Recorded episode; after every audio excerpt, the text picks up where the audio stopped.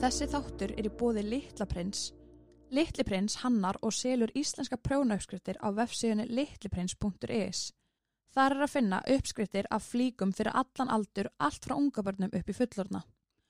Uppskriftinar frá Litla Prins eru auðskynalegar með góðum leiðbyningum og því fullkomnar fyrir bæði þá sem er að stíga sinn fyrstu skref í prjónamennskunni eða reynda prjónara sem kunna að meta góða uppskriftir. Óliver hjá Kýrapaktistu Reykjavíkur tekur að sér einstaklinga allt frá ungabörnum upp í aldraða. Óliver leggur áherslu á samspil líkamlegra og andlegra þátta og markmið hans er að fólkið hans finni árangur í formi verkjastillingar og aukina lífskeiða. Ég hef verið hjá Óliver í nokkra mánuði og finn þvílíkan mun á mér. Endilega tjekkja það honum á Instagram undir nafninu Óliver Kýró niðurstryk eða Facebook Óliver Kýrópraktor og ef þið viljið bók ykkur í gæld frjálsan viðtalstíma hjá honum, endilega kíkið inn á nona.is og pantið ykkur tíma. Þið munu ekki sjá eftir því. Við erum stöddina í Nova Sirius stúdíónu og hjá mér eru tvær konur frá nistanum, við erum velkomar Takk fyrir. Takk fyrir. og viljum við kannski byrja bara á þér, hvað heitir þú og hvað gerir þú og svona, kynast þér aðeins? Ég heiti Fríða Björk Arnardóttir og er framkvæmda stjóri neistans. Vertu, vel, vertu velkomin. Takk fyrir. Ég heiti Jónína Sigurður Grimsdóttir, kvöldunina og ég er formaður neistans. Já, og hver, hvað gerir til dæmis formaður? Þú veist, núna því ég veit það ekki alvörinni í sér alf.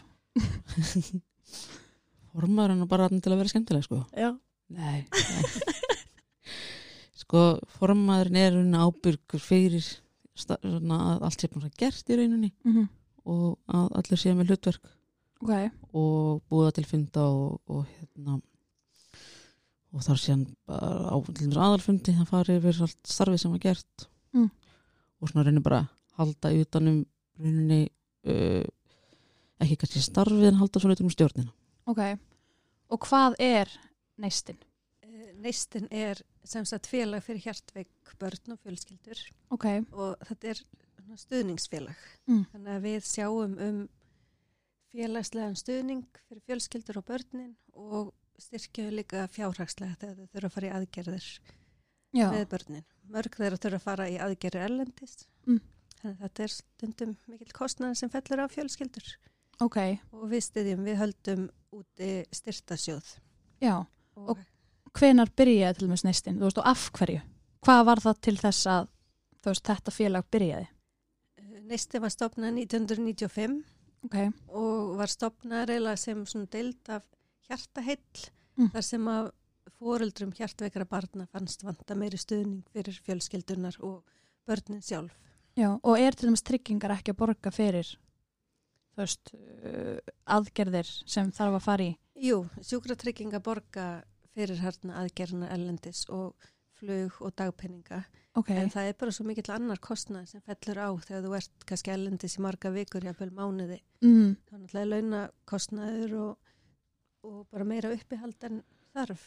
já, já, og svo er líka bara e, e, borga sjúkvætringar þetta fyrir rauninni einn og hálfan fylgdamann já, já, Mm. já. þannig að það er rauninni ekki endilega búist í þessi tveir fóreldrar Já, þannig að það er alltaf bara að borga fyrir einn og síðan kannski fyrir badni þá, Já, ef það er í hálfur. rauninni, hann er batnið á rétt og einum Já, svo er henni borga fyrir einn og hálfan, það var alltaf þannig í okkur já, Ó, Þann, frábært. þannig að þú veist við náttúrulega fengum mm, hérna þetta, þetta, þetta fjármagn til að lifa af að núti en það kemur eftir á Mm en þú getur valið það að fá það þú veist, áður, en Mhm. þá til að vita hvað þú ætlar að vera lengi, Já, já, veit já, það ekkert þannig að uh, bara eins og þetta þannig að, að því að þetta er svo, eh, svo er líka mismunandi hvert þú ferð mm, eins og peningurinn bara döði akkurat fyrir hérna, gistingunni þegar við fórum til bandaríkina já, það var sko, við vorum í fimm vekur þetta var 1,3 miljónir sem að við borgum bara í gistingu ég fæ bara illt í bara allt kortið mitt og bankareikninga og allt. Já, þannig að þannig að geta síðan leitað í styrkin til hérna, styrtasjóðsins Mm. Mhm. er rosalega mikilvægt bara upp á allt hitt að geta þá að maður kom ekki heim bara í mínus Já, já, þannig nákvæmlega. alltaf veistu, þannig að ma- að maður þurfi ekki að vera að spá í peningunum endilega meðan maður stendur í þessu Já, já. Og hvað leiti til þess að þið byrjuð í næstanum? Þegar ég veit þegar að ég er ólétt í 20 vinna sónarnum að ég er vona á stelpum í hjartakalla. Ok, En ég fó bara strax og leitaði til neistans mm. og varð bara mjög fljótlega eftir að hún fættist þá fór ég að taka þátt í starfinu, varð, fór í stjórnina, var síðan varaformaður, formaður já, og svo endaði ég sem framkvæmdastjóri. ok, Þannig að mér finnst þetta vera ótrúlega mikilvægt bæði fyrir mig að geta leitað í aðra sem að er í svipum stöðum mm og fyrir stelpunum mín að geta kynst öðrum krökkum sem eru að upplifa það sama. já, já. Vera með ör og þurfa að fara á spítala, fara ellendis í aðgerðir Mm og já, bara geta rætt þetta sín á milli. Já. Og þ- hvað er stelpa en gömul í dag? Eh, Hún er 14 eða 15 ári, Já, 15 dag. þannig að hún er komin í úlingastarfi hjá okkur. Já. og hvernig var það allan við séu þér? Þú veist, af hverju byrjaði þú?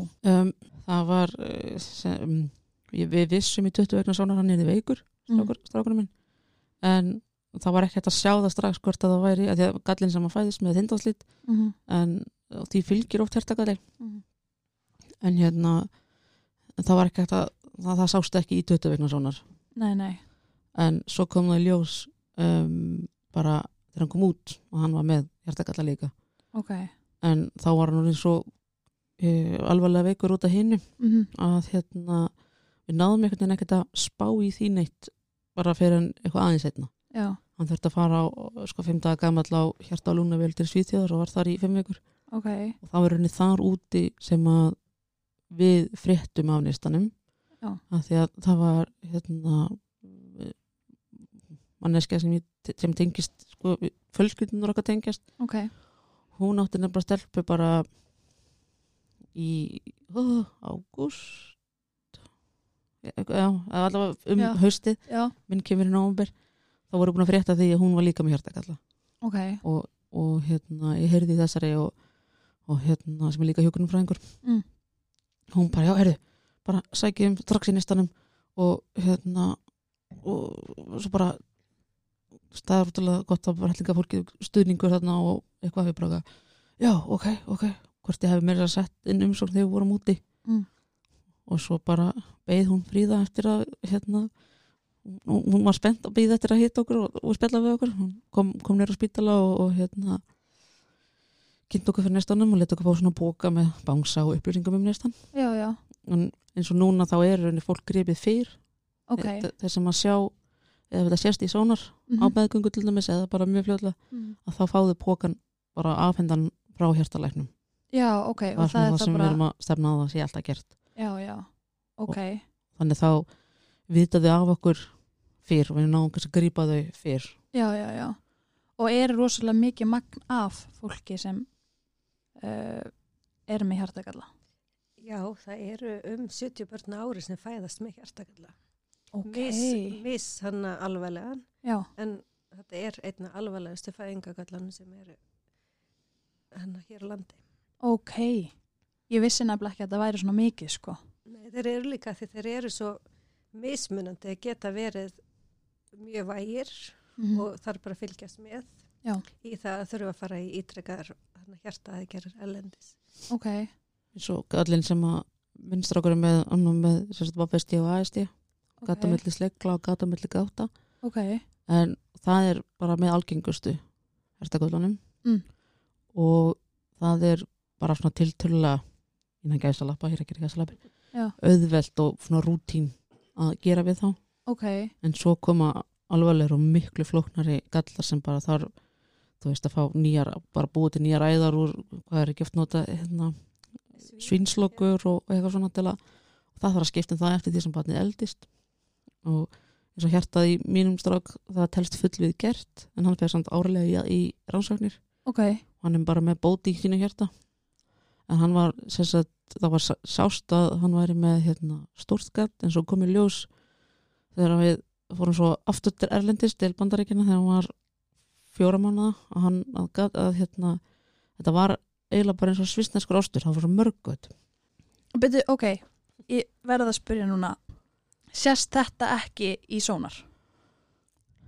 sko jú, oft sérst þetta í sonar Mm. en uh, sko bara hvernig það lá líka Já. að, þá kannski sást, að sást það var stort gat og mögulegt lítið Ok, svo fór hann í þræðingu Mm. og þá sást rauninni umfangið að Ok. það var í rauninni bara það þurfti alveg bara að fá hvað ég held hann sem er 30 cm bát já, í hjartuna og ímyndaðir hvað hjartað er lítið í svona litlum bönnum að þá Mhm. er þetta frekar stór hluti að því sko. já meir en helmingur myndi ég segja sko En byrju, en að því þú talar um áðan að þegar hann fæðist þá er hann með hjartagalla það var þá ekki búið að uh, sjá það fyrir Nei, Nei, en það var strax sko, um leið og hann kom út og þá var, var henni betra að sjá það hvort Já. að mér minnir að hérna, uh, fylgjan hafi verið framan á hann það var hverfið að sjá þetta og líka út af því að hann var með þetta þindaslit þá var allur mægin og hlutu að görðanum upp í brjósthólinu já, Sem er gerir það þetta allt. þinglislit? það er þindaslit, já Ok, og það í rauninni gerði það líka erfiðara fyrir að geta séð þetta almennilega þannig að þið voru alveg tilbúnir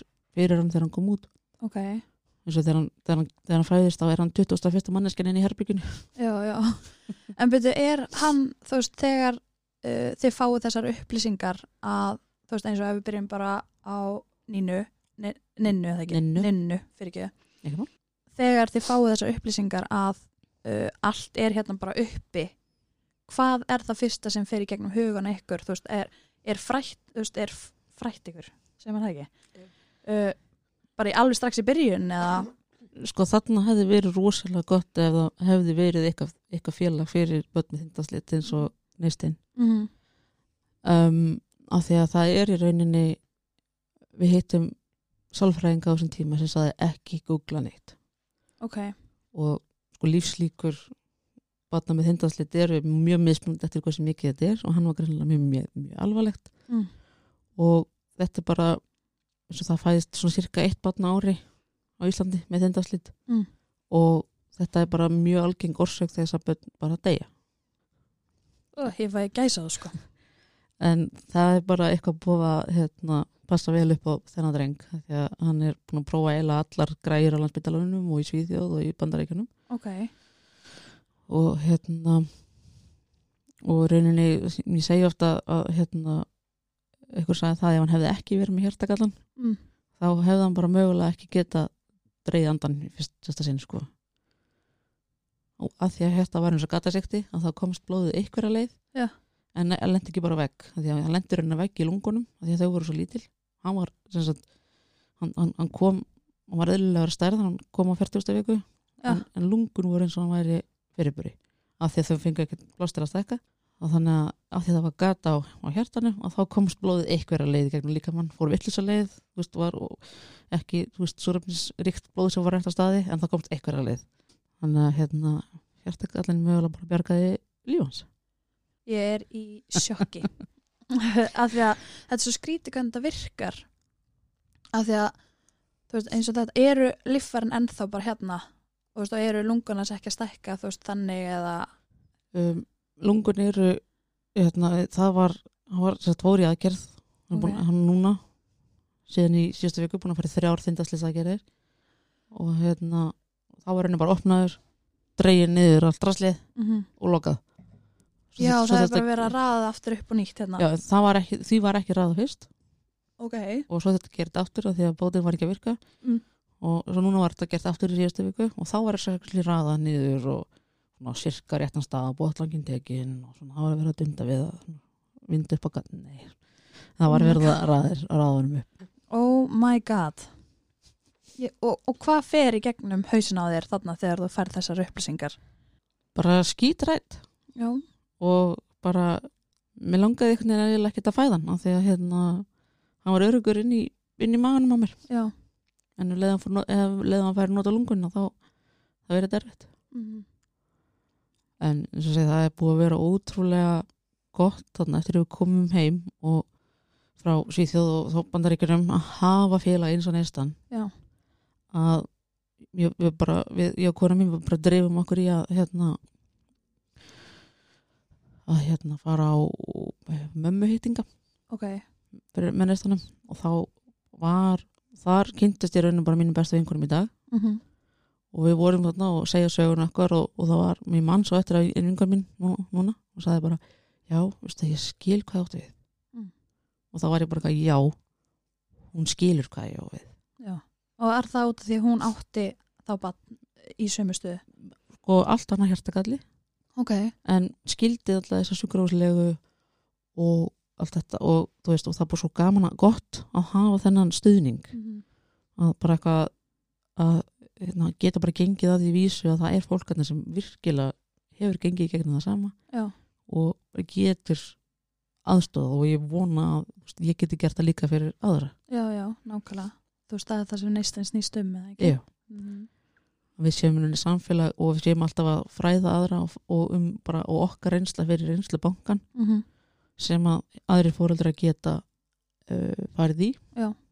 og svona bara með eins og úlingastarfinu og, og, og þessu og, og bátnastarfinu að, þú veist, að krakkarnir geti síðan líka fara að miðla milli sín Já, nákvæmlega. já, gerði mamma þín þetta líka þegar að láði henni, já, mín líka þetta alveg bara glata, sko. Alltaf Eh, þetta kom eitthvað svona, sko. en hvernig var það til og með sér þér fríða þegar þú kemst að því að dótti þín er með hjartagalla í móðukviði? Hvað fór í gegnum hausinn þinn þar? Náttúrulega bara eins og Ninna sagði, maður er bara skítrættur. Mm Maður veit ekkert hvað er framöndan. Nei. Og það var líka sagt um mig, ekki googla. Og hvað gerir maður? Maður fyrir að googla. Já, Já, ég myndi það gera er það. bara fyrsta sem maður gerir og bara ég stóðst nátið, sko ekki ég. Ég, ég er ekki svona þrjósk, sko. Nei, Ég það er var- bara... Það var bara að googla allt bara og náttúrulega átti ekki að googla. Já, En það var þannig hjá okkur að þarna um, þeir voru eiginlega að horfa á hjartað öfugt. já. og hún, þegar hún fæðist þá kemur í ljós að það er ekki sá hjartagalli sem þeir heldu að væri Ok, og hennar er mjög flókin og það er ekkert heiti á honum heldur bara svona samansapn af mörgum hlutum já. og þá kom í ljós að þannig að sleiklanir í hjartanu eru öfur þannig að vinstri sleiklanir hjart, er hægra megin og hægri vinstra megin Já, og stórt upp í hjartanu og hennar lúnaslæðin og víð og ósæðin og þröng. Þannig að þetta var bara svona samansapn af mörgu flóknu. já. Þannig að við förum bara út þegar hún er þryggja daga gömul Hvert Ég- farið þið? til við fórum til Boston Ok, og þarna hún náttúrulega bara flutti í hitakassa úti í flugvel og þaðan síðan á spítalinn í Boston. Þannig að hún er, já þannig að hún fer bara í aðgerð 6 daga gömul þar sem er eiginlega bara stækka gatið mm. og þarna til þess að hún nái að stækka meira sjálf fyrir stóra aðgerðina sína. Þannig að við fórum aftur út þegar hún var 7 mánuða, síðan aftur þegar hún var 11 mánuða og erum búin að fara út sjösunum. þá er alltaf til Boston. Alltaf til Boston, já. Vá, ég skil ekki hvernig fólk getur gengið í gegnum þetta. Þú ferð bara í eitthvað, Maður fer náttúrulega líka power mode. já, þú er bara, þú ferð bara verkefni og þú Mm. bara leysir það. Svo kemur heim og þá krassa maður. Já, nákvæmlega. Og það er yfirleitt þannig með okkur að, þú veist, við krössundi skiptist ég og maðurinn minn. Já. S- sama hjá okkur Já, Og það er alltaf eitt sem er sterkur og henni ykkur algjöru, algjöru mólum og, mm. og volæði. og já, ég, það er mjög svipa hjá okkur hjónana líka já, og hérna og það fer alveg heyrilega mikið í taugarnar á okkur þegar okkur er sagt að við séum svo döglega Ó, ég ætlaði nú ekki að láta þetta koma þannig út samt. nei, alls nei, ekki. nei, nei, þú varst ekki að því Ok. Nei. en það er bara, þú veist eins og segir maður og mér finnst ég ekki vera dugleg Nei, mér finnst ég bara vera Gera mamma, það mamma sem- stráksins míns já. ég er að sinna honum Mm. og ég bara, jújú, jú, þetta er ógæslega erfitt og jújú, jú, ég skal alveg segja það að þú veist, ég reyna alveg að vera sterk Mm. og vona að ég sé það, sérstaklega það fyrir hann og líka fyrir konuna mína Já, en þú veist, mér finnst, mér finnst orðið duglega ekki passa þannig nei. Af því að maður myndi gera það nákvæmlega sama í Nákvæmlega. öllum sporum, skilur sama hvort að væri með hjartagalla eða downs eða vennjulegt eða Eða heilbreytt bara- eða whatever. rekur, í- rekur tanna í, Já, skilur og bara, þú veist, svo með mig mitt barn er hérna, hann hefur alltaf sofið Mhm. það er aldrei neitt mál að láta hann fara að sofa Já, og, og hérna, hann verður bara mjög sjaldan veikur síðan ég er 13 já, og þú veist, svo hérna hefur maður upplifað hérna, eins og bara vinkunum minna á barn sem er sem var bara mjög erfið að sofa Já. og mér fannst, ég, ég kunni svo mikið að meta það og hún gætt vendað í mig og tuðað í mér yfir því mm, bara oh my god, hún fara aldrei að þú veist, hún bara vakir allan hættur og hágreitur og bara já, bara, mér stömmelt að heyra það ég, ég- ég, ég tengi ekki, en þetta er öll ógist erfitt, Já. meðan aðrir hafa sagt bara, ég ætla ekki að ræða við það að minn sé alltaf með eyrnabólga því að þú veist, þú er búin að gangi við gegnum miklu verra ég hef aldrei upplifað bara með einhvern eyrnabólga Við eigum alveg að vera þú veist, til staðar fyrir fólki okkar. já, Af því að þú ert kannski að ganga í gegnum eitthvað mjög, sem þér finnst mjög erfitt fyrir barnið þig. já, Þótt að það sé ekki sama og við erum að ganga með. næ, Það er samt erfitt. já. Mhm. Svo Bara allir tækla sína hluti á mismunandi hátt. Já. Og ég nefnilega reyna alltaf að segja sjálfur mér þetta, þú veist, ég er alltaf bara, oh my god, þú veist, vinkon mér var að segja mér frá þessu. En Ég hef aldrei þurft að upplifa það og mér fannst þetta erfitt. En ég þurft að hægt, ég þurft að breyta þessum hugsunarhátti af því að það sem mér finnst erfitt, finnst kannski Aleksandru vinkonu minni ekki erfitt. Já. Og hún getur verið, finnst eitthvað annað erfitt en mér ekki skiluru. Þannig að ég skil þetta. þetta er bara svo Mjög vel. mikil sko, veruleiki okkar er ekki svo sami Nei, nákvæmlega. Þá er aftur um svo ótrúlega gott að hafa þetta samfélag. Mhm. Þar sem við getum deilt reynslu okkar Já. og þú veist, verið til staðar fyrir þá sem eru að fara erlendis með barnið sitt í hjartaðgerð. Mhm. Þegar við skiljum þetta, við Já. vitum, þótt að þetta sé kannski allt öðru þessi hjartagalli, Já. þá þekkjum við ferlið Mhm. og tilfinningarnar tilfinningarna. Já, nákvæmlega. Ég nefnilega man, það var einn sem kom á vegum neistans í laugás og henni fannst hún ekki eiga rétt á því að vera í neistanum af því að hún er ekki með eh, semst strákuninnar eða stelpunar, ég man ekki hvort það var, er ekki með jafn alvarlegan hjartagalla. Veistu hvað konur eru að tala um? Já, ég veit hvað það tala um. Já, og ég fekk bara svona uff, ekki vera að bera þið saman við hina En þetta er einmitt það sem við viljum svo að koma á framfæri við alla að þú veist, þú átt rétt á að vera í neistunum. Já, Ef barnið þetta er með hjartagalla, mm -hmm. þá þótt að þú hefur ekki farið í aðgerð, þá Mm. eru tilfinningarnar og hræðislan, Mhm. já, hún er alveg jafn mikil já, nákvæmlega og barnið þarf að fara til hjartalæknis. mm og barnið er að upplifa það að vera með hjartagalla Já. þótt að þessi ekki búið að fara í aðgerð Já, nákvæmlega ég, ég fekk einmitt bara svona þegar, hún, s- þegar ég heyrði þetta fekk ég svona, æ, æ, elsku eitthvað ekki vera að hugsa svona en síðan aftur á móti þá veit ég til dæmis ekkert hvernig þetta er þú veist, uh, ég hef ekki þurft að upplifa og ég held ég þekki ekki neitt sem er mér hjartagalla þó ég viti það samt ekki 100% en mætti ég spyrja, er hjartagalli eitthvað, er það genatengt eða er það, kemur það bara Um, það getur verið genateng okay. en oftast er þetta eitthvað sem kemur og myndast í móðurkviði Ok, og við vitum ekki á hverju nei, nei, nei, bara bara raunin þessi að gerist það. tölfræði þú veist, Já, þú veist þetta cirka margir á ári mhm, það En- er bara, þú veist en það eru nokkra fjölskyldur á Íslandi sem að þetta er genatengdur hjartagalli ok. já, þannig þá, að þá er það kannski oft svona líka þá þessir alvarlegri ítlum viðráðanlegri Já, já, ok. Æ, þetta er hræðilegt. Uh, og þið voru núna með uh, í seinustu vik, nei, fyrir tveim, þreim vikum, um, vikum, já. en það ekki, með hérna, uh, fjóri, fjó, já, fjórum vikum, fjáröflun, það var, já, það var fyrstu vikuna, eða ekki? Mhm. Jú, 9. til 15. Já, 9. til 15.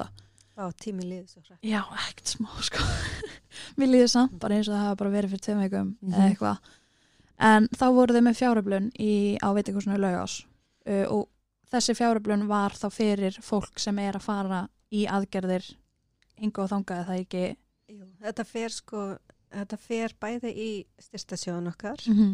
og þarna í starfið Já, já, já, Þannig já að við getum þá, þú veist, styrt og elt hann elt sem það- elft Erft, já, já, þarna úlingastarfið ok og þarna og haldið ímsa viðburði. Já, og hvað er úlingastarfið og barnastarfið? um, sko Við erum með hérna, ákveðna viðbyrði á ári.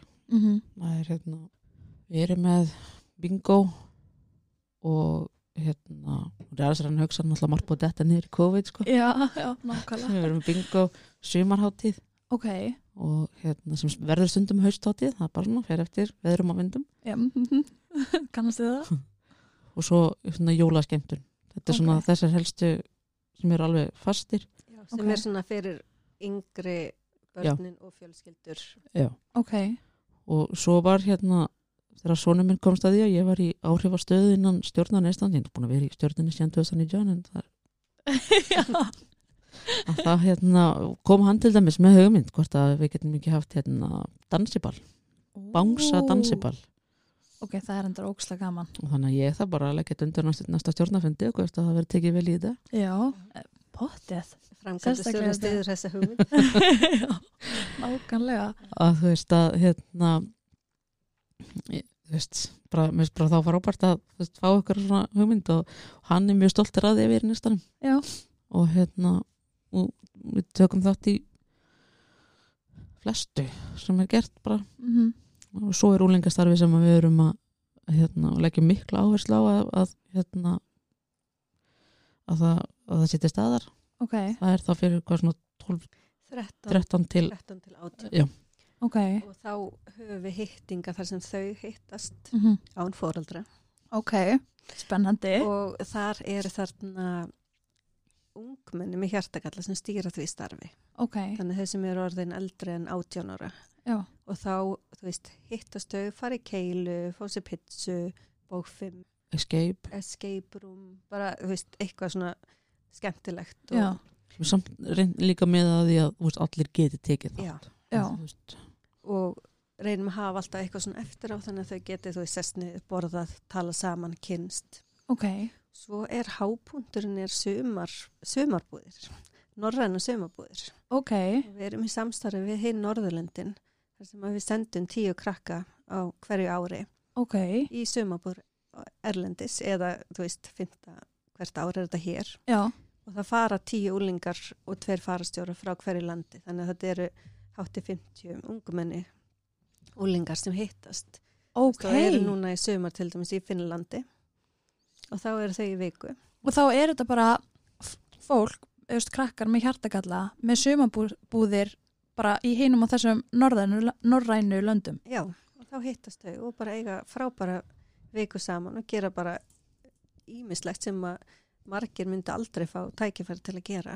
Nei, nákvæmlega. Daskran í Finnlandi var kynnt fyrir okkur í, í haust, það er bara mjög langar að vara sko. Já, jú, ég er spennt líka sko. en veitu, hvernig, og hvernig byrjaði þetta samstarf og hvernig komist þið í tengsl við hinn norrannu löndin í, í gegnum neistan með hjart Já. og hjartagalla og svoleiðis? Þetta byrjaði bara með því að okkur var bóðið fyrir þó nokkrum árum að taka þátt í þessu. Ok, Þá voru sendið tveir úlingar mm, og svo hefur þetta bara þróast áfram. ok, Og þarna einu sinni höfum við haft svona evróskar sumabúður. Já. Þar sem að þá eru líka lönd frá Evrópulöndunum. ok, og vonandi er það eitthvað sem að við munum taka upp aftur. Þetta átti að vera árlegt en svo kom COVID. já, uh, það helst COVID er búin að eða margt fyrir mörgum sko.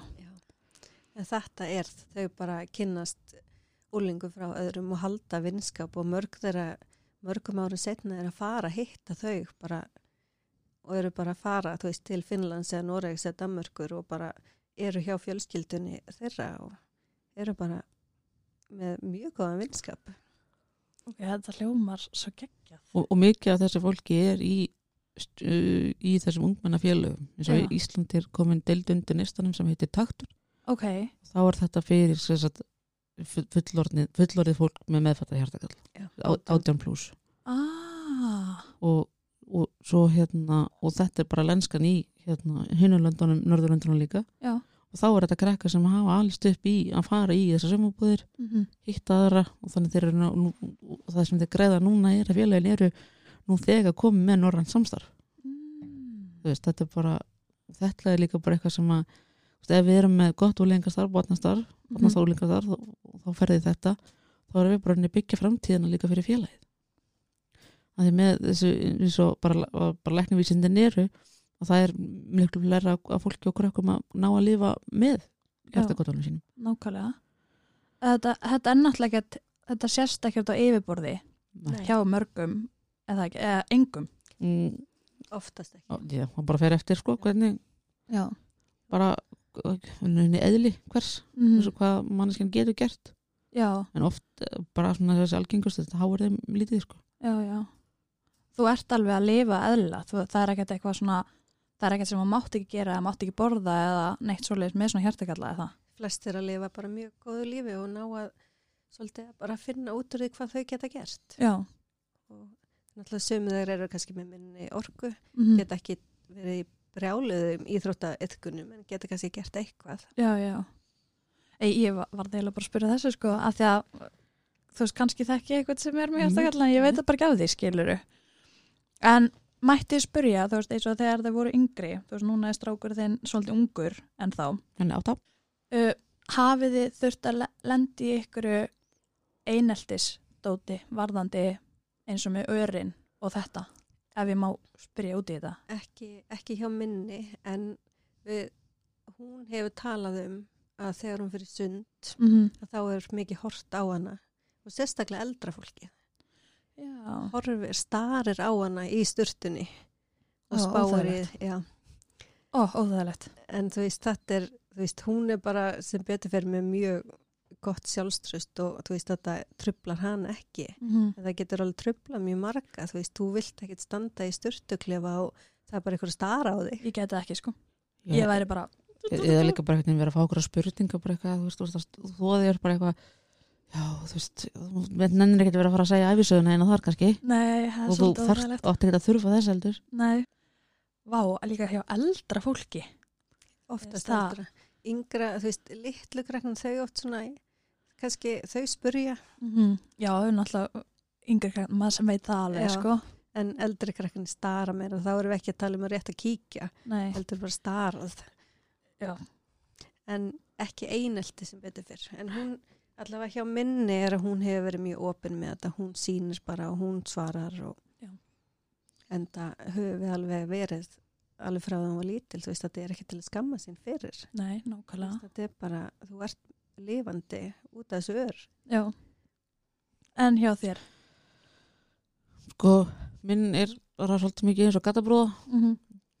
hann er með sko, eiginlega allir mæin á hann er eiginlega hálfgertur, svo er hann með magarnapp líka sem hann borðar í gegnum Já þannig að, og svo var hann með hérna, öndunartúpi í hálsunum þannig að hérna, hann er svolítið svipur hjá sjón Já en hann alltaf þekkar ekkert annað en jú, það er svona um, við höfum alveg verið í sundi og, og hérna, hann hefur fengið spurningar Já og kannski frá svona, kannski krökkum svona 10-12 ára mm og hérna alltaf þeir skipti sem ég hef verið með þá hefur hann eiginlega bara orðið þreyttur á að tala um þetta, hún langaði bara þú veist, senda, Já, já. senda mig í rennibröðina skilur mm -hmm. Mm og hérna, en þá var ég bara að svara og, og svona benda og fá hann með mér í það -hmm.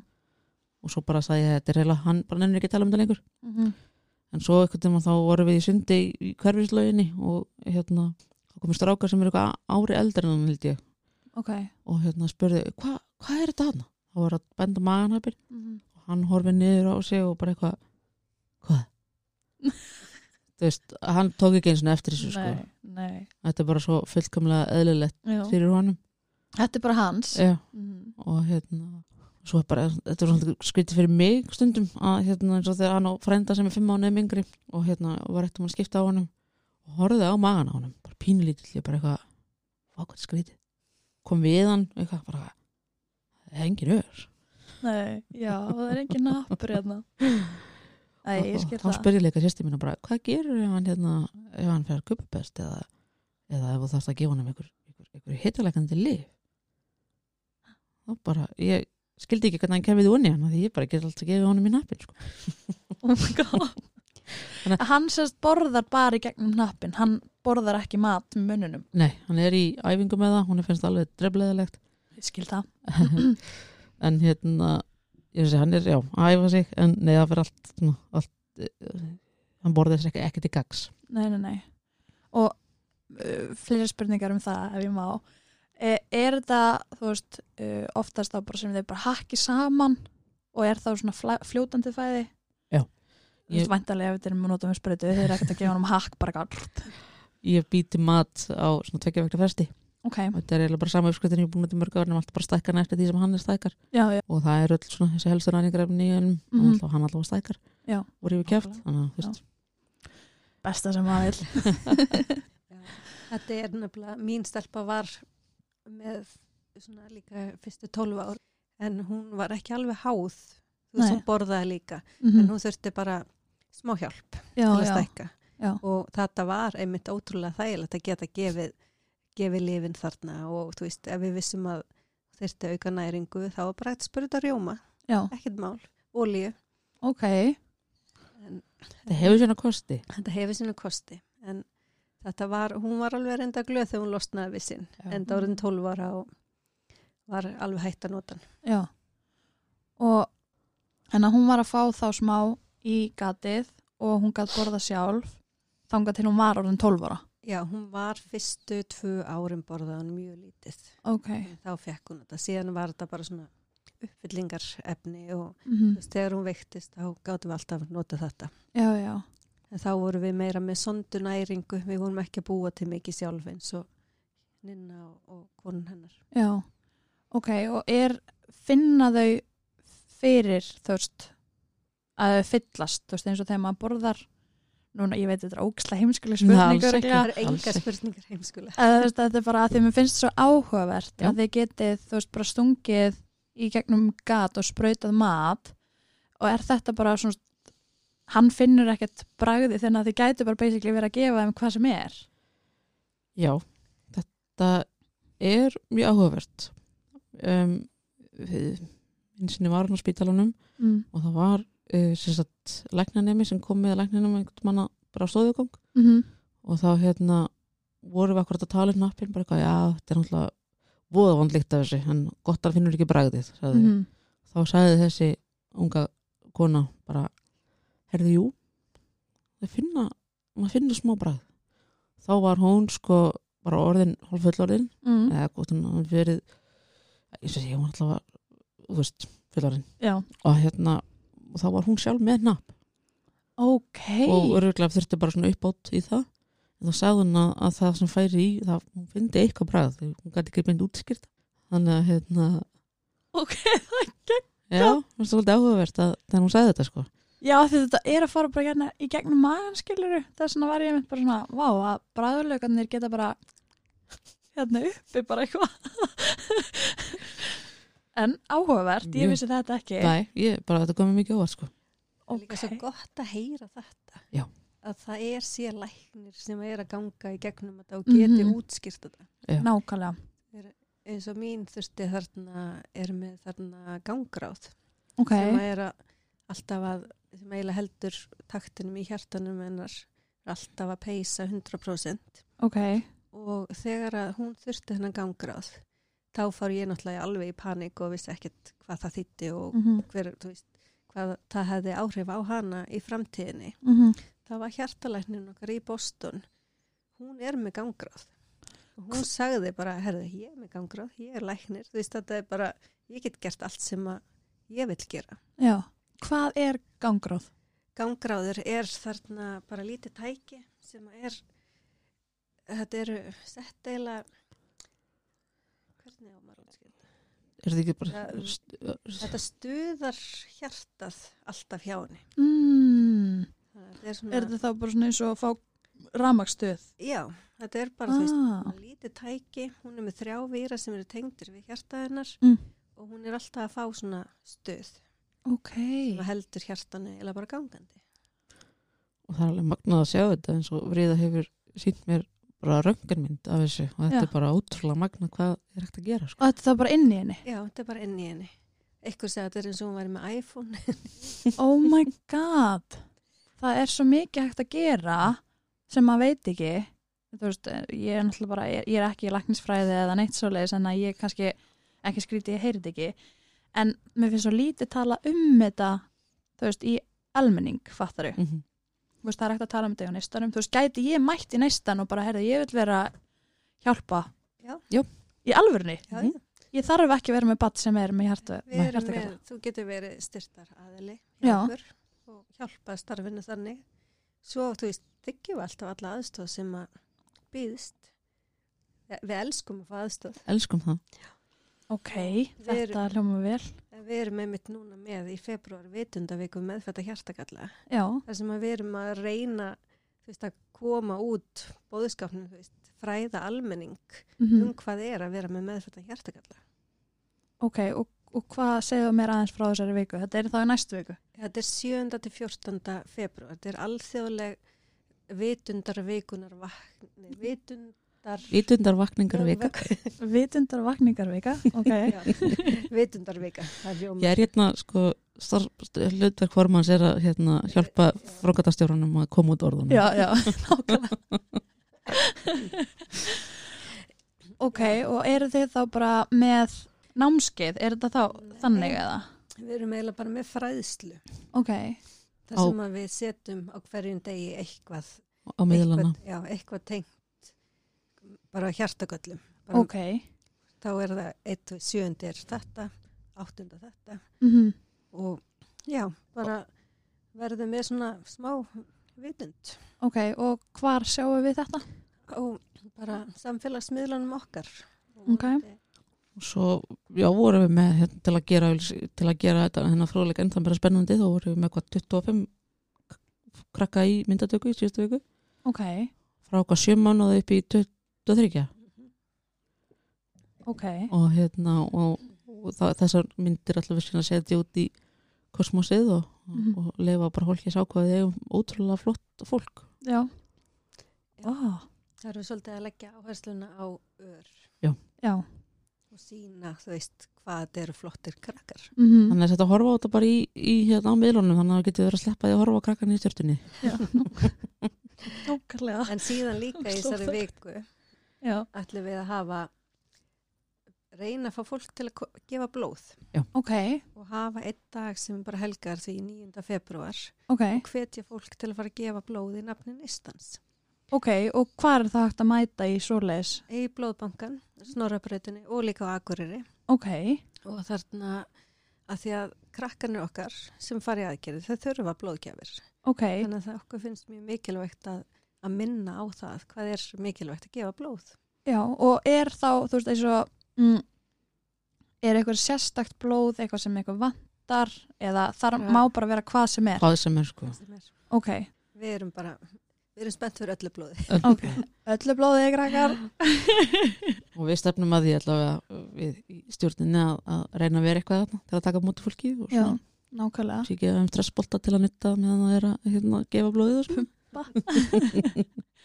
Ok, það er bara hljóma mjög vel og hvað er þá, þú veist, eins og planið þetta er allavega planið núna í, í næstu viku og hvað er síðan meira að fara að gera, ætlaði að vera með aðra, aðra fjáröflun eitthvað staðar já, jú, það er enda reitt það er reitt mjög spennandi sem við getum eiginlega ekki sagt Nei, ekkert mál, við bara fylgjumst með eh, samfélagsmiðlum og sjáum En Það, ver, það er mjög spennandi.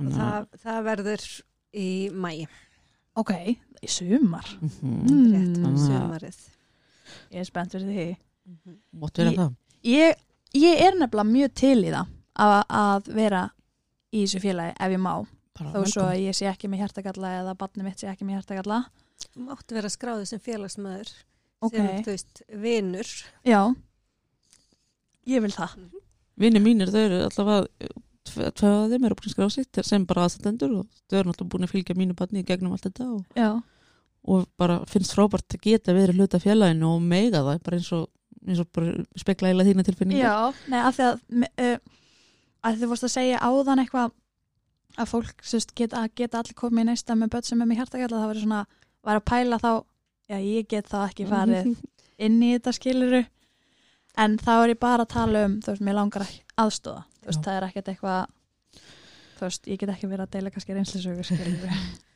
Þú getur, þú getur bara aðstöða annan hátt. mm. ég get verið eiru og bara heldur þessi líka bara voða gott fyrir bara öll börn að upplifa alls konar já, eins og Nákvæmlega. svona þinn að bara sjá alls konar krakka sem Já. hafa bara þú veist, ótrúlega reynslu Já. ég Nei, hugsa ég að maður bara- getur aldrei tapa á því nei ég, ég held að hann hafa bara rosa gott að ég líka bara að, þú veist, að kynnast öllum skilur Mhm. einmitt. þú veist, ég ætla hann að horfa á þannig að alveg svo á leikskólanum þú veist, börn sem tala ekki íslensku eru samt vinir, getur samt verið að leika sér skilur Krakka geta alltaf tjáð sig. já, Þau geta alltaf fundið einhverja leið til að verða vinir. mm -hmm. nákvæmlega þó við tala ekki samt tungulega, mér er að bara skiptir engu minn strákur talaði ekki skiljanlega bara fyrir að nú, hann var þetta eftir fjögur ára já, eins og mann bara hann hérna þegar hann var með þess að túpi hálsunum og, og var, var hellingi bara ek- var ekki með orð, já, nei hljó, eh, hljóð mm eins og við ættum alltaf að horfa á mælitækin hvort það var að gráta eða ekki ah. það heyrist ekki í honum gráta eða neitt sko.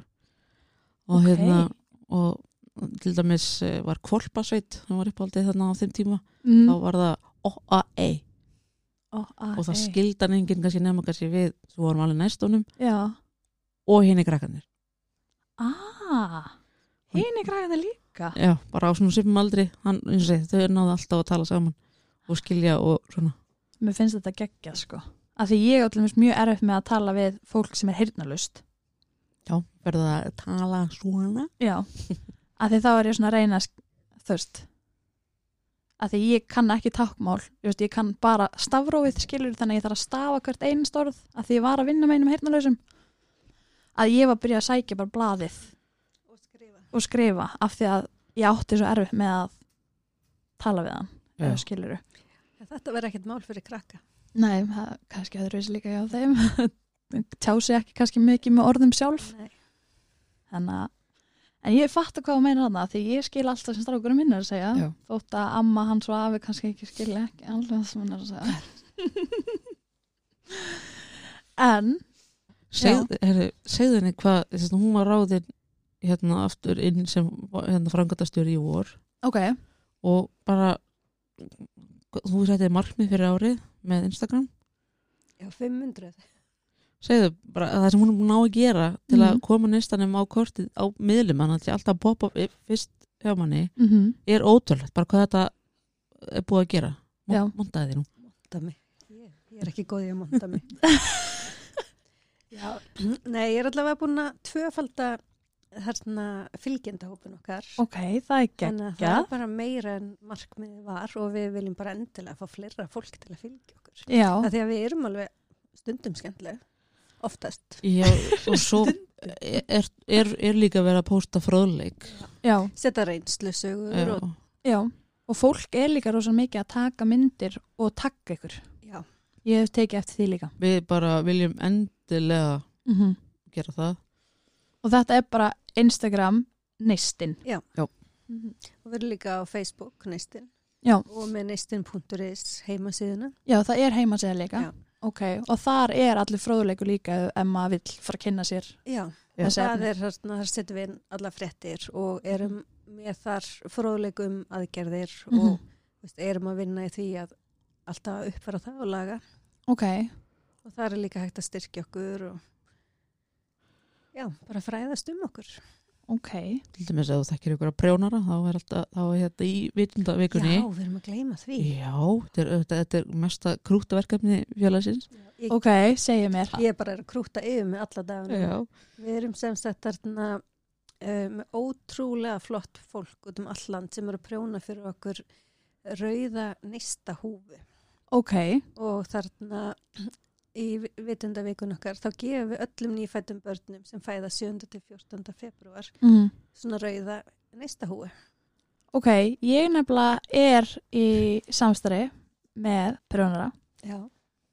uh, sem heitir Little Prince, ef þið viti hvað það er. Það er sem sagt heimasíða þar sem þið getið keift prjónaupskriftir. já.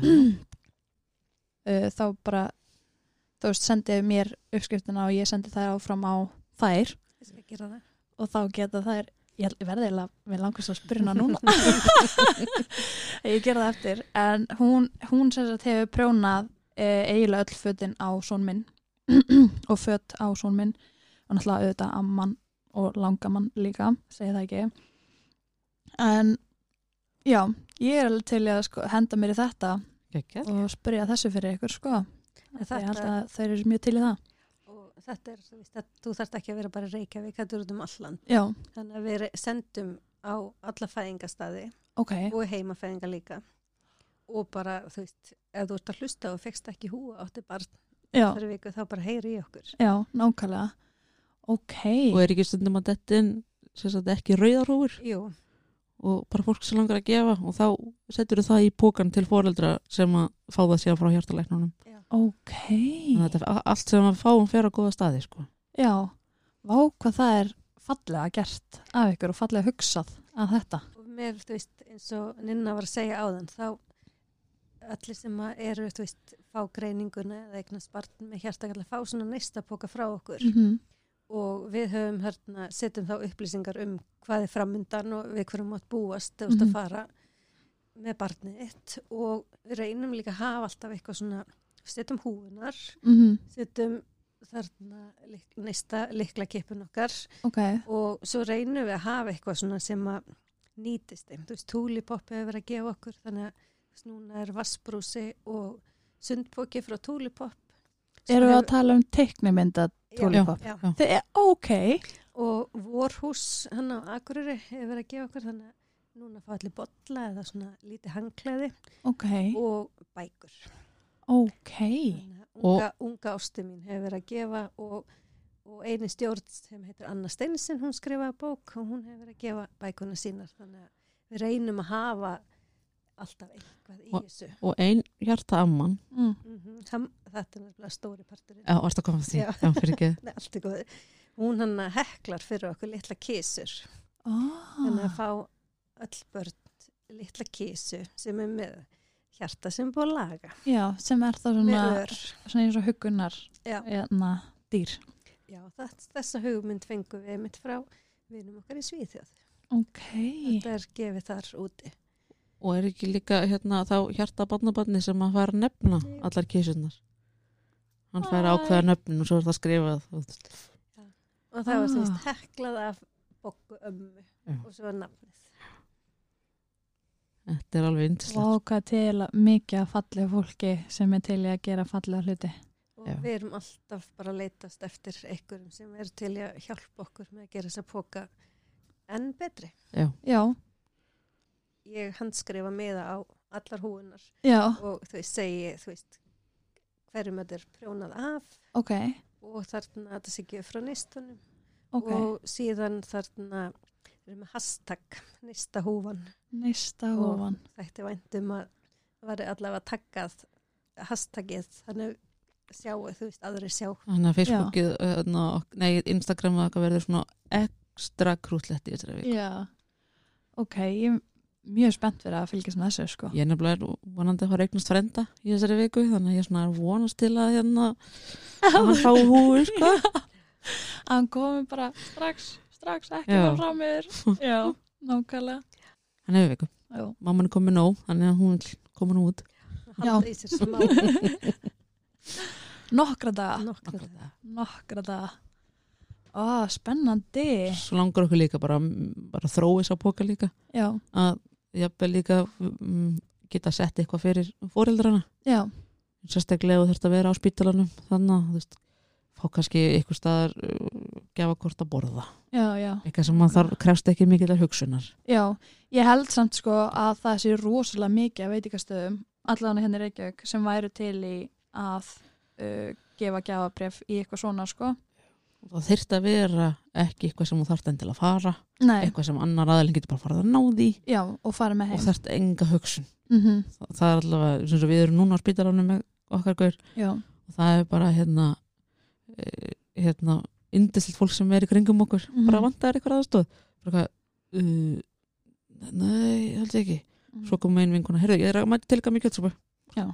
ok, sem er alltaf geggjað sko já, Það er geggjað að geta þess, fengið þarna, mat þarna þarf maður ekki að hugsa neitt Nei, og líka bara sjúkrásamaturinn er núlgóður ég borða hann sko Já, ég, úf, Já, þú ert ekki í meiri hluta ég er með bara ég, af því að ég hef þurft alveg að vera með minn upp á spítala og ég er bara ringi pappa já, getur komið með hambúrgar franskar eða söpveibát eða eitthvað af því að alveg fæ ég ógi að þessum vending machines eitthvað á þessum já en degi. svo komum við þarna uh, kaffistofan kaffistofan hann niðri núna í Já. bataspillanum með æði Já. en hún er ekki komin í kvöldin Nei, Nei. hún er nefnilega ekki og ég er hana í 90% tilfella á kvöldin. Einmitt. Þú er náttúrulega líka hægt að lappa yfir, þú veist, í mötunni en það er svolítið langt að fara. Já.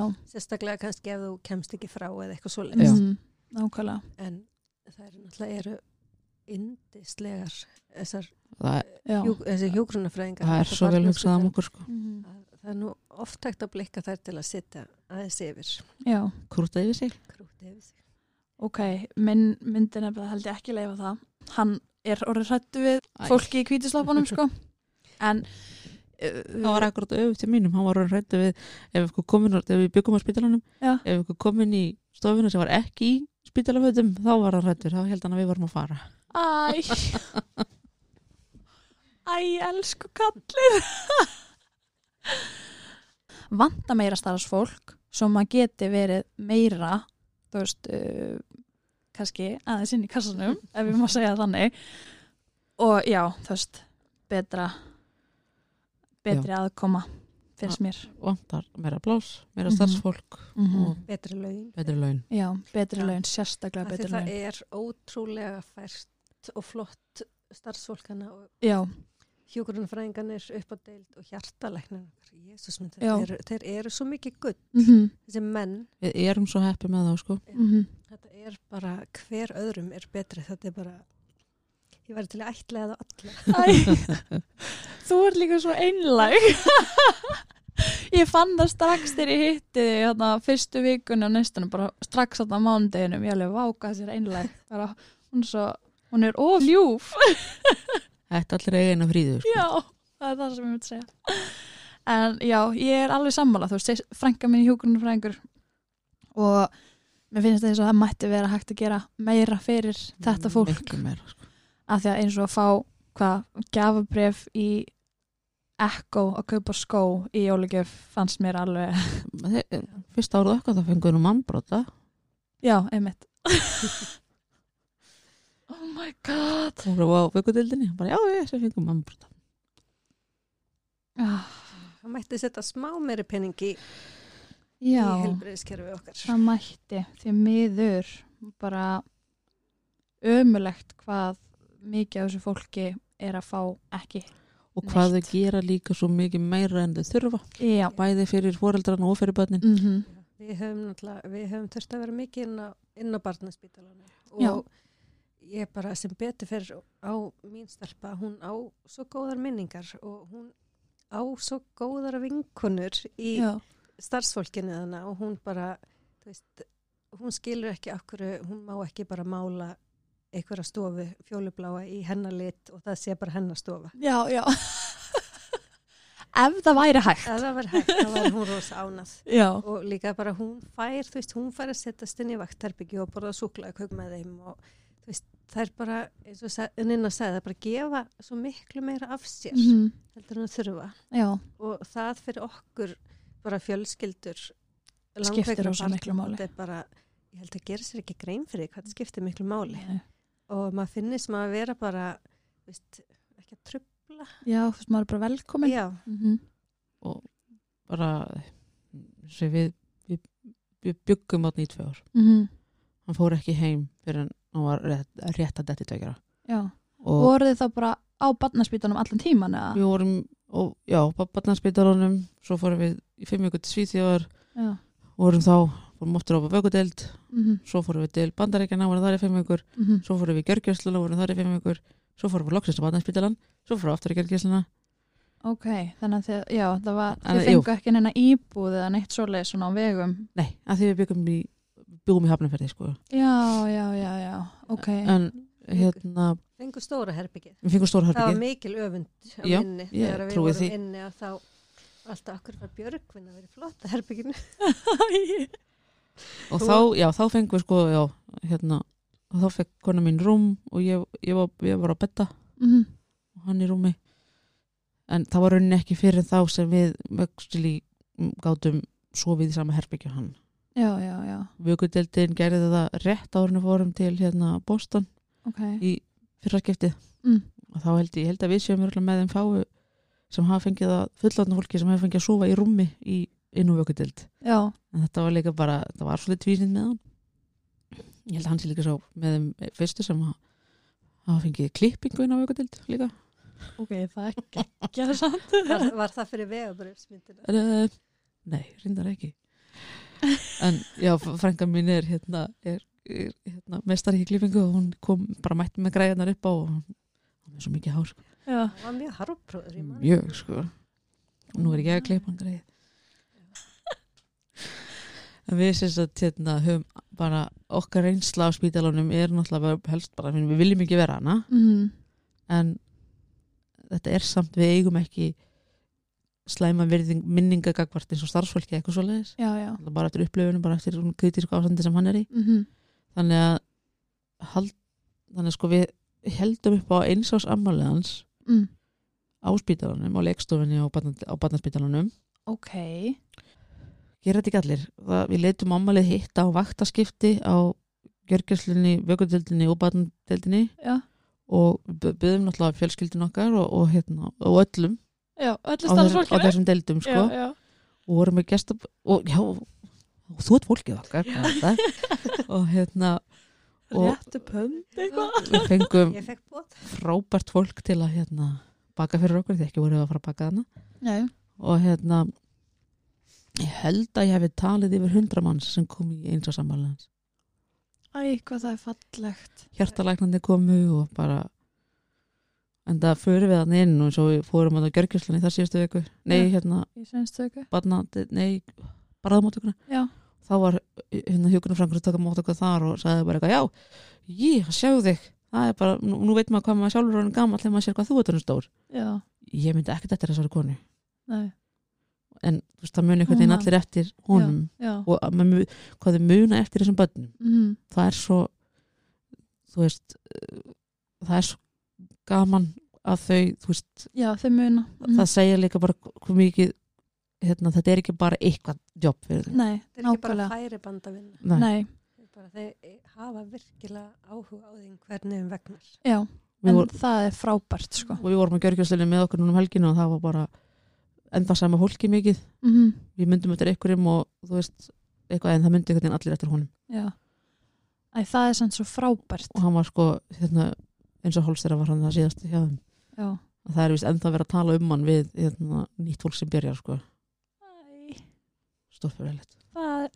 Nei, hann víst að svo, ég fæði svona lítið hjartað. Ég fæði alltaf eins og ég verið lækninum hjá Oliver þegar hann þekkir hann. Hann er bara svona, heyrðu, vágur, þú er stór. Þú veist, ef við erum einhver stáðan eitthvað, þá fæði ég svona, ég veit, eða þú veist, hann veit hver hann er, þóttu sé að hitta ókslamörg bönn á ári. En það- Þetta einmitt skiptir svo miklu máli. Já, Sérstaklega fyrir þú veist, okkur sem erum mikið með börnin okkar inn á spítala. Mhm. Að þú veist, að þessi muna eftir manni. já, Þú veist, maður eins og Ninna sagði, þú veist, maður vill náttúrulega ekkert vera hana. Nei, En maður á ekki slæma minningar. nei.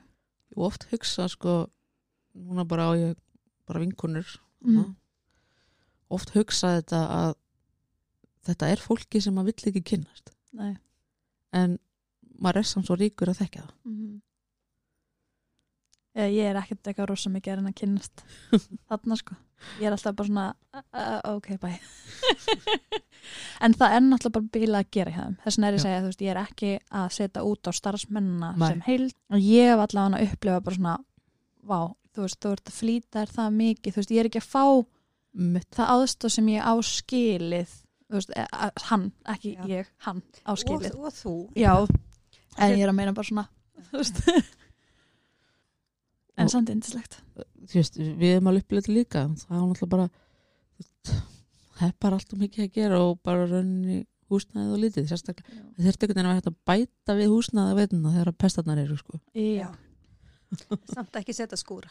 nei, ekki setja skúra Please ekki gera það bara hérna kveikja okkur, það bara byrtist nýbygging skilur, Já, á veitna já Það, það væri indislegt Svona Harry Potter tjald sem myndi breytast í Sem- loftkælingu á sumrin það er svo, það er svo heitt að á sumrin sko. Já, ég, ég ekki upplifa En það er náttúrulega bara eiginlega aldrei, þú veist, hægt að opna þessu gluggan ef hann bara inn í herbyggjanum eða ekki. Valla. Valla. Já. Svo mátt ekki opna það á tímbili. Ok, það sem snýr, gul, sérstaklega glukkarnir er hliðið sem snýr út á, út á ringbröð Já. það er bara döð og djöfull að vera hana Ok. Í- á þegar það er, er, er háti svo, svo settu þeir þannig þegar við vorum að koma með ný glukkartjöld sem var ekki að draga niður og blokkuðu sólina Mm Luxus. Loksins. Loksins. Þetta er svo líka eins og með sískinni barnana. Okkur langar svolítið að gera meira fyrir þau. Mm. að þeir séu hluti af þessu og þau eru upplöfði líka Já. og þá þau geta líka sagt sína tilfinningar Já. eða bering, Mm þú veist Þetta er náttúrulega erfitt fyrir þau. Þau eigna sískinni og það er bara mamma og pappi fara nokkur um dögum setna til útlanda. Já.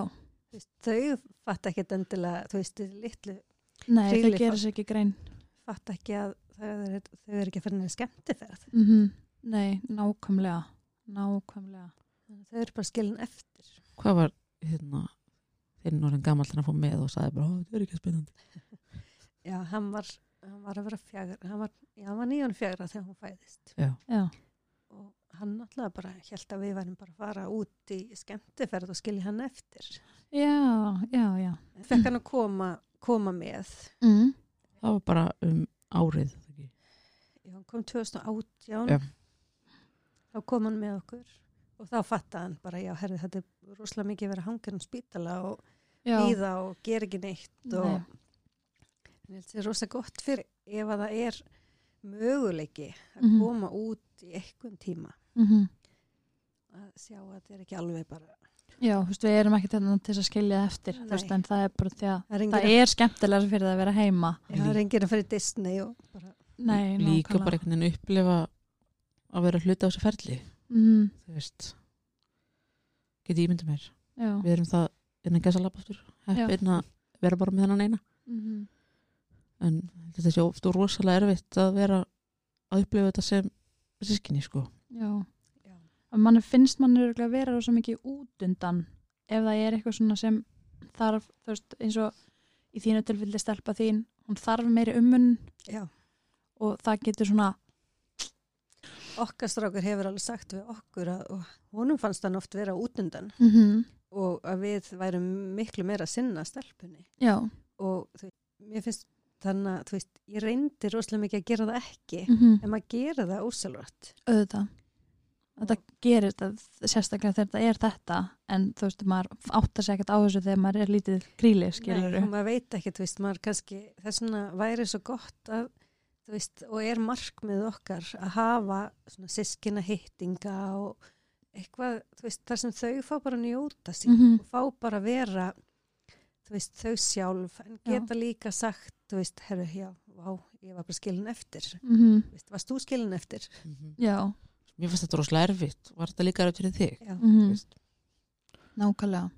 gefum svona tækifæra á að tala um tilfinningarnar og, Mhm. og hverjar þar voru í raun Já, já, nákvæmlega. og eru, og voru, ég, eru bara eru. gefa þeim tækifæri til að vinna úr þeim Já, nákvæmlega.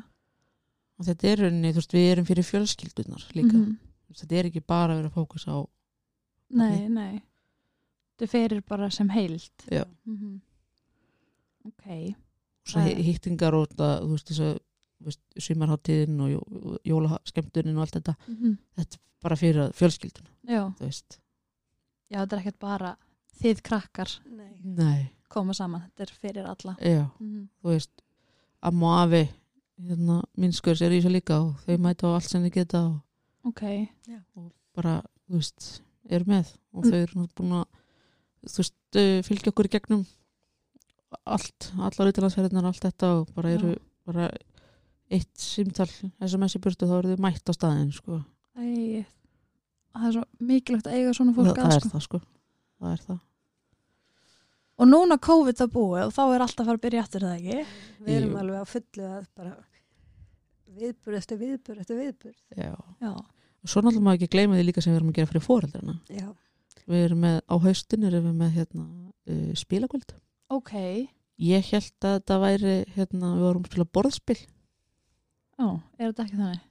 Ég held bara að maður var að, þú veist, ef að einhver partíspil eða eitthvað. Já, já. Nei, nei, hérna, við erum að spila, hittast að spila félagsvist.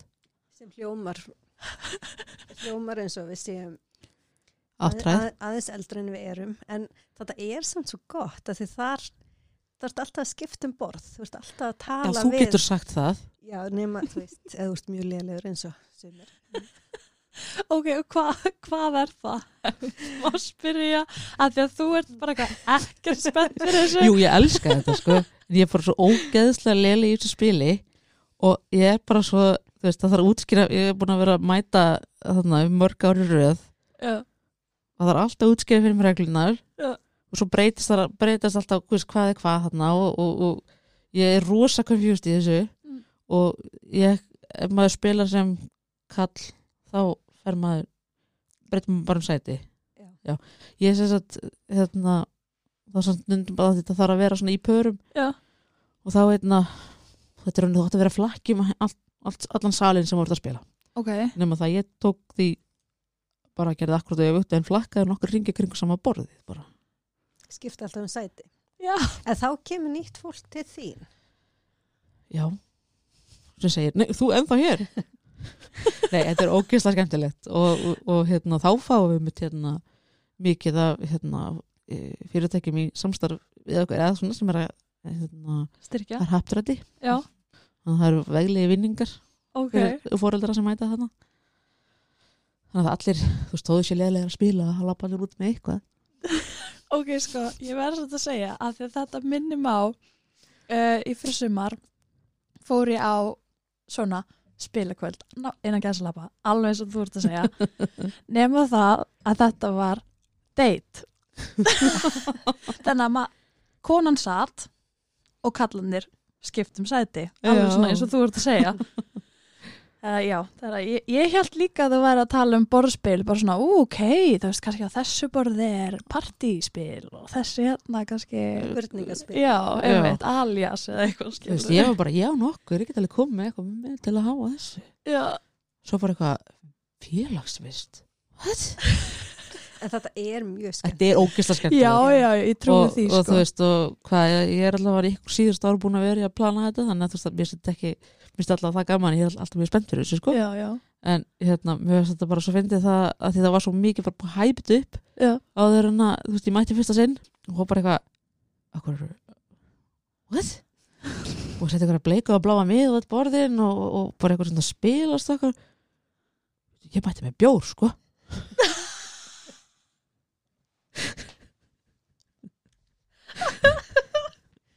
ég mætti með bjór. þannig ég þarf svo mikið að hugsa, ég gleyma að drekka, sko þetta er gott hópef þetta er gott hópurblí og þetta er ótrúlega skemmtilegt Já, og bara, ég gerði það bara með bjór með sér maður, ó, hugsa fyrir allir. ég, hérna, ég, ég vorkin á þeim sem eru með mér í liði Já. því að, þú veist ég er ekkert vola góð í þessu ég Og er, eru það ég bara er að alltaf að- kynnast? já Mm, ok, og ég er alltaf að reyna að koma því að sko, það, þú veist, það sem það- hæsta kallin sem vinnur var velun hæsta konan sem vinnur var velun ok. ég er alltaf að reyna að fá það sem sko, stiga leggst einstaklingurinn fá líka velun Já, ég, svo þú getur henni. ég meina, þú veist Maður má reyna, ég meina það má alveg eitthvað koma og reyna að vinna þú veist, vera leglar en ég, ég er ekki Já. að segja það já, nákvæmlega. Alltaf eitthvað að setast að borð með þér, bara, jæja. en eins og það bara komið mér þessi að bara glænýtt fólkinn núna sem var bara sem bara við, ég hef ekki hitt áður það voru bara til dæla nýju í félaginu það ekki með sitt bad sem Mm. er bara frábært já, þannig ætlum við að fara leggja landundi fót og fara norður með þetta spila kvöld Ok, í mars og vera með fyrir það sem búa fyrir norðan ok, það hljómar bara mjög vel líka. Og eru þið þá bara að leia sal eða, já, þá Eitthvað fáum við sal, húsnæði. sal fyrir norðan já, fáum bara fyrirtæki þar er að gefa hennar vinninga og mhm. það Við verður erum brókulega með- skemmtilegt frábæra konu í stjórn sem að elskar að fá sko sem að vera að sækja um minninga, mhm. hún elskar að fá nei Já. og þá sko endar að sundum í því, aðjó ok hérna, mátt fá ekki að brifa hana hún er rosalega, Já, hún Veist. næri að snúa blæðinu við. já og bara henni finnst þetta gaman Mhm. mér finnst, ég er ekki góð í þessu sko Já, það er gott að vita sína styrkleika og veikleika Já, þú veist, ég get, ég get, ég get ekki bjór. ég, ég syngla til í það sko. svo erum við líka með ársati Mm -hmm. fyrir hennar uh, Mæli mig, átjón áttu pluss pluss, já. út, Ókei. útækt sem Já. sagt, já. Það eru ungmenninum í hjartakalla. Þau með líka koma að spila kvöldi. Ok, vákaði eru með mikið og þú veist, maður aldrei heyrt um þetta, eða þú veist, Mm. þarna. Þú veist, þannig að Þetta- maður er svona, bara ótrúlega gaman og, og okkur langar líka bara svo mikið að halda í fólkið sem að er hjá okkur já, sem að hérna eins og þessi sem varst að tala um aðan sem að, þú veist, 15 ekkert endilega því er náttúrulega, barnið mitt það er bara búið að, þú veist, það er ekkert veikt lengur og eitthvað, Mhm. en þú veist, við viljum halda í, já, í alla já, og, þú veist, að það hafi alltaf stað í neistanum þó að Mhm. barnið sé bara fullorðið eða bara þarf að, ein- bara er innan ekki að salaba í Mhm. bara eftirliti Mm, já, þetta telst full við gert, gerði hjartagalli eins og hjá Mhm. mínum dreng sko mm, en þú veist við viljum bara ekki það að fólk finnist að já, get heima þetta því að barnið mitt er ekki það veikt já, í, já, auðvitað er það náttúrulega ekki þannig að því að það eru allir að gangi gegnum mismundi erfið, eða þú veist, erf, erfiða hjartagalla, er ekki sér Jú, er við að flókna Já, erfiða flókn hjartakalla þú veist, að því að hún var búin að segja ykkur þarna að hún væri náttúrulega barn, ba- barnið hennar væri með hjartakalla og þegar hún einmitt sagði þetta, það, þú veist, það væri svona það skiptir ekki máli fattar Já. þú veist, það er ekki hægt að mæta bara því að barnið þitt er bara í eftirliti skilur, um En það er náttúrulega að tekur á að fara með bara til Mhm. læknis. algjörlega Og þú veist ekki, það er stressandi að byttu, byttu, gæti eitthvað að vera að núna. Ú, Mhm. hann var aðeins lengur að skoða núna heldur enn í fyrra Já. hvað er þú veist Nákvæmlega. Ég fæ þetta alltaf. Ég er alltaf bara.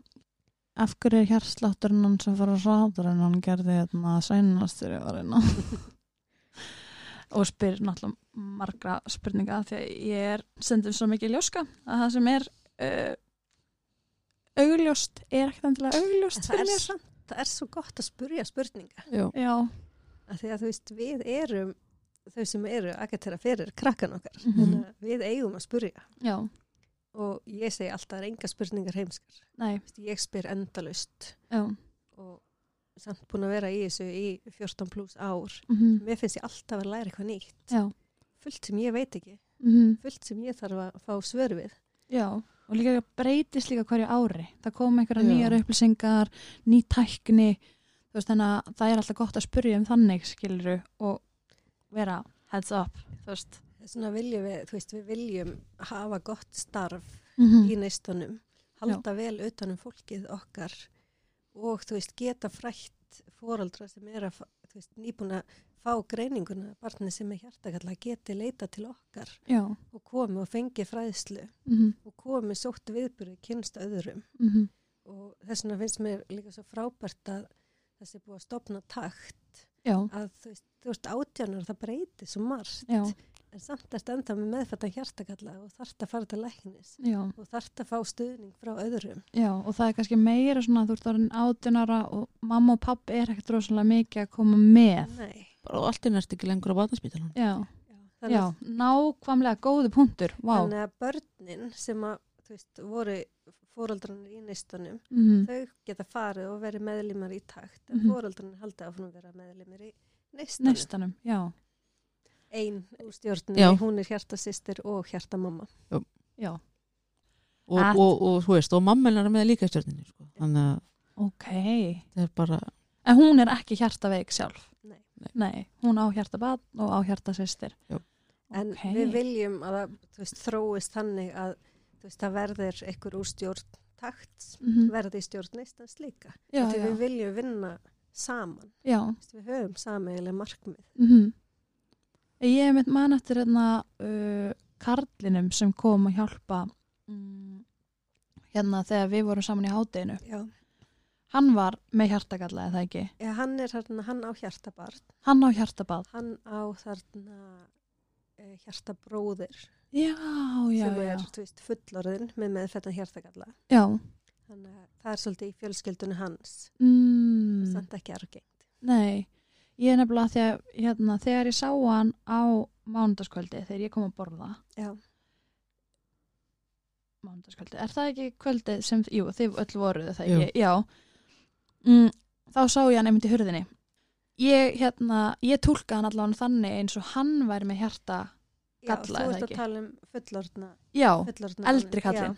Já, Já, hann er þarna hjarta þegi. hann er hjartað þegi.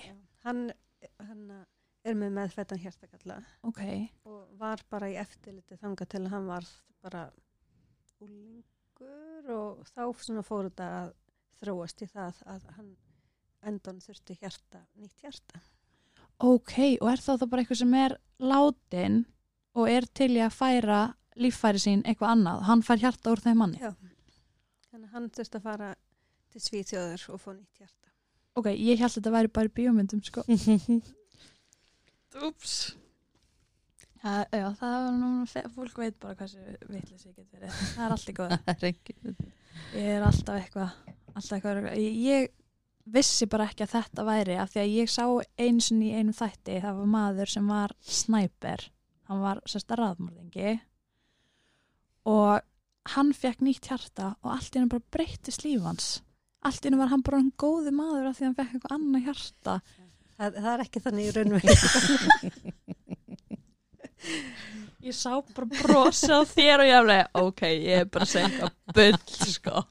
En það er, það er alveg sumir sem að, þú veist, eru með það alvarlega hjartakalla að það gefur sig á endanum að það þarf nýtt hjarta. Ok, Og það er náttúrulega bara mjög flókið ferli mhm. og þú ert þannig sé ekkert að læknast að hann að hjartakallan það bara kemur annað í staðinn. já, ok. Það þarf að vera á lifjum alla æfi og, Mhm. og auknu eftirliti og Ok. Já, ég allan að mana var eitthvað að tala um þetta og ég fekk svona bara "Bíddu nú við, mér langar svo að spyrja marga spurninga en ég þorði ekki þetta því að líka bara þegar ég hitti fólk á vennilegum farvegi þá er ég bara segðu mig meira, þú veist, frættu mig skilur en hann hafði alveg verið til í að svara er ég alveg viss um það. Já, ég þorði ekki að spyrja alveg svo ég þorði ekki að spyrja ykkur þarna í byrjun en síðan sátust við saman að borða og þá sagði, sagður mér en það var svona ok, en þú veist, annars er ég alltaf ég er alltaf til í að fá fleiri upplýsingar fræða mér betur um alls konar hluti Já, en það var nefnilega einmitt, mér finnst það svo skemmtilegt við laugás mm. að það var, þú veist, hjartakrakkanir voru að hjálpa Já, og þú veist, félagsmenn og það voru allir svo til í að koma að aðstóða. Það er bara indislegt sko. Það var geggjum vika, það Og var svo skemmtilegt. Ég hefði viljað hafa helsu í að vera lengur sko. Eða oftar. Vera það að var það bara. bara, já, Vera að það. eftir þessa viku, ég var bara, ég fann, ég fann svona tómleika, ég bara Já. saknaði þess, mér bara alltaf að keira fram, ég var bara, og ég beigja, ætla að segja ykkur á svæðinu, ég bara heilsa.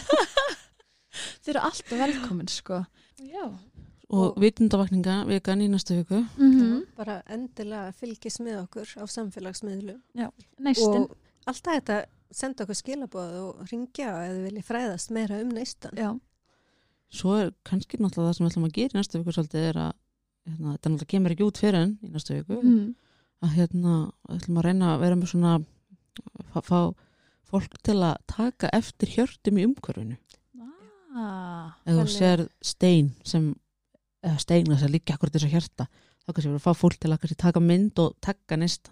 ah, það er sniðugt þannig að það verður svona, já, herrferðin verður bara hjör, hjörtun í umhverfunu Já. Já, og sína bara að það er hjörtu allstaðar já, Vist, ég sé, kannski er ég smá klikk en vist, ég sé hjörtu í öllu já Vist, ég verið, þú veist, kaupa kartebla því hún er hjartalöfið og Æ, krúkleg. Einu sinni náði ég var ég að gera ameríska pönnukökur Já, og mögulega er það líka því ég er pínu hérna, eins og hún, Já. hún fríða að hérna ég, það, mér fannst pönnukökan líta út eins og am- anatómist hjarta ah. þú veist maður sá hvernig það var í læginu það kom svona strítur upp úr eins og slagaði hennar já og ég líka bara tók mynd á þessu og sendi þetta á hérna, allar hérta mömmu vinkonunum mínar og ég bara eitthvað, það var oh my god, þetta er geðvikt það er bara svona eins og þú veist eins og hérna, amerikanar finna Jésu í, í hérna ristabröði að hann kom hérta í pönnuköku hjá mér sjáum við hjörtun allstaðar Já, og viljum bara, já, hveti alla til að já, taka neistan Já, sjáum bara hjörtu í vera með. umhverfunu og þetta megi að vera gamla myndi þú tókst einhvern tíma bara varst í fjöruferð og já, sást eh, ský bara fyrir 15 árum já, og mann þetta þessari mynd og þá bara, já, ég ætla að setja þetta á Instagram og taka næstan, þú já, veist að þetta er þetta er ekkert endilega sem þarf að gerast núna þetta er bara, Já, ég var einmitt, held ég, bara síðast að sumar í Jökulsálóni og sá hjarta úr klakanum á demantaströndinni. Já. Mér finnst það geggjað. Já. Svo hérna var ég út um helgina og ég sá hjörtu bara alls, ég var að taka hjörtu af, þú veist, það var gánstéttinni, ég var búið að helluleggja svona hjarta, Þú veist, ég átt allt. já. Það var að taka endalist í næstu viku. Æ. Og þannig að og hún er rosa duglega rýpóstalli. Já, Þannig að maður fær ég svona, líka að segja það. maður fær svona instant gratification af Mhm. því að, að hérna, ég ég hef búið rýpóst á mér. Já. Eitthvað, þú veist. Þannig að sér hvað ég er okkur slakað á Instagram. En það, það reyndar eftir ég byrjaði að followa ykkur á Instagram þá ert þú oft bara í 90% tilfella efsti þú veist, og fremst hjá mér á, á Instagram sko. Okay. Gaman að heyra Ég er það. náttúrulega að fo- followa ekki marga á Insta, Instagraminu en þú ert alltaf hérna fremst. Takk fyrir að followa. Já, bara auðvitað. Bara þegar ég vissi hvað það var það fóri strax inn á neistinn og followa. Já, ég var, var með þetta að spurja, hver að followa okkur hérna en að einstæð bóst. Hérna Já, ég. Alexandra var líka, það er verið að tala um mig Já, ég, hérna, ég er ekki duglega að auglýsa það hafa komið fréttir um mig og Ólver á MBL og Vísi en hérna ég er ekki dróðs að duglega að vera að auglýsa þú veist, Instagram mitt Nei, ég skil. og segja hver ég er ég er bara svona að leiði fólki frekar bara að finna mig að það er tilgjast að við skilur Playing hard to get. Já, já. Að þó maður væri alveg til að vera komið lengra skiluru en það eins og staðan er núna finnst mér það var fín. Bara glátt svona koma naturally. Já, nákvæmlega. Og það er þannig ofta sem hlutinni gerast. Það gerast eða það er eiga að gerast. Já, nákvæmlega. Horfur rosalega mikið á það þannig. En við erum þá kannski bara búinir í dag. Takk fyrir að bjóða okkur. Nei, bara takk fyrir að koma. Það var að minnsta máli, þetta var bara mjög skemmtlegt. Já. Ég ætla hann að Þetta er svona fættist mjög mikið. fínt að, að- einmitt að ég hafði gott að þess að fara út á spítalana með þér. Já, aðeins hérna. Úf, slaka á. En svo er mér sko, við ætlum að fara að horfa á Harry Potter marathon ok, og ég var búin að segja já og ég, sagði bara, ég það bara aðeins að hérna, ég veit ekki, ég var klóstið eða eitthvað, á ringi fríða. Jú, að hún ringir alltaf því ég ætla að fara klóstið. Já. Og hérna, og ég bara, já, hæ, Hún bara, já, herði, mannst þú að við ættum að fara í podcast? Ég bara, nei. Þannig að þá klaraði ég símtalið og, og sagði síðan við svona minn bara, herðu, ég get, getum við beðið með þetta þangtulega eftir. Af hverju? Sagði hann. Já. Ég bara, hérna, ég er að fara í podcast. Bara, hvað er það? þá var hann hlustað mikið á kom krakkarúf podcast, já, já.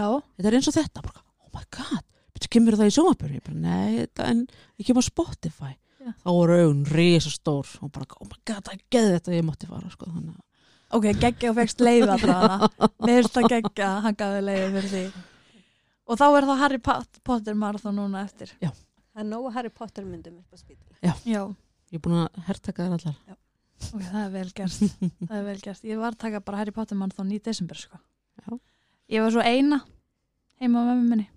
Af því að engin annar vill voru Harry Potter. Ó, Harry Potter er svo skemmtilegt. ég hef séð tvær mynd Í alvöru. hlusta á þrjár bækur, nei, tvær bækur, tvær og halva Er það sama myndu þá að...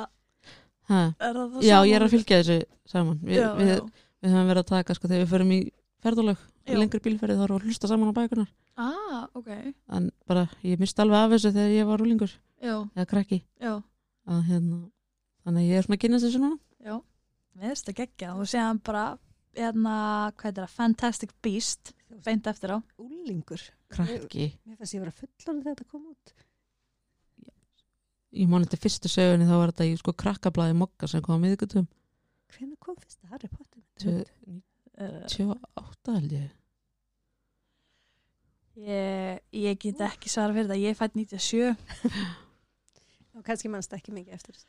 Nei, ég man þegar þetta kom, en þú veist, krakkar yngri en ég er sem sagt fjórum árum yngri, þeir eru miklu meira svona in it Mér finnst nefnilega geggja að vera í Edinborg um helgi. Það er náttúrulega bara Harry Potter. Leður þar sem ég væri í myndunum. Það ah, er bara allt. þú Veist, hún skrifaði bækurinn þar og já, það lappa götunum. Þetta var bara, ok, nú veit ég hvað hún fekk þessa hugmynd. já. Ó, geggjað. Ég, ó, ég til í, ég, ég er að pæla bara fyrir að horfa aftur, sko. ég get ekki betra að krakkin verða aðeins eldri og við getum fara að horfa á Buffy saman Já, ég var þar, sko. já. En Já. ég hefði bara að þakka ykkur kærlega fyrir komuna.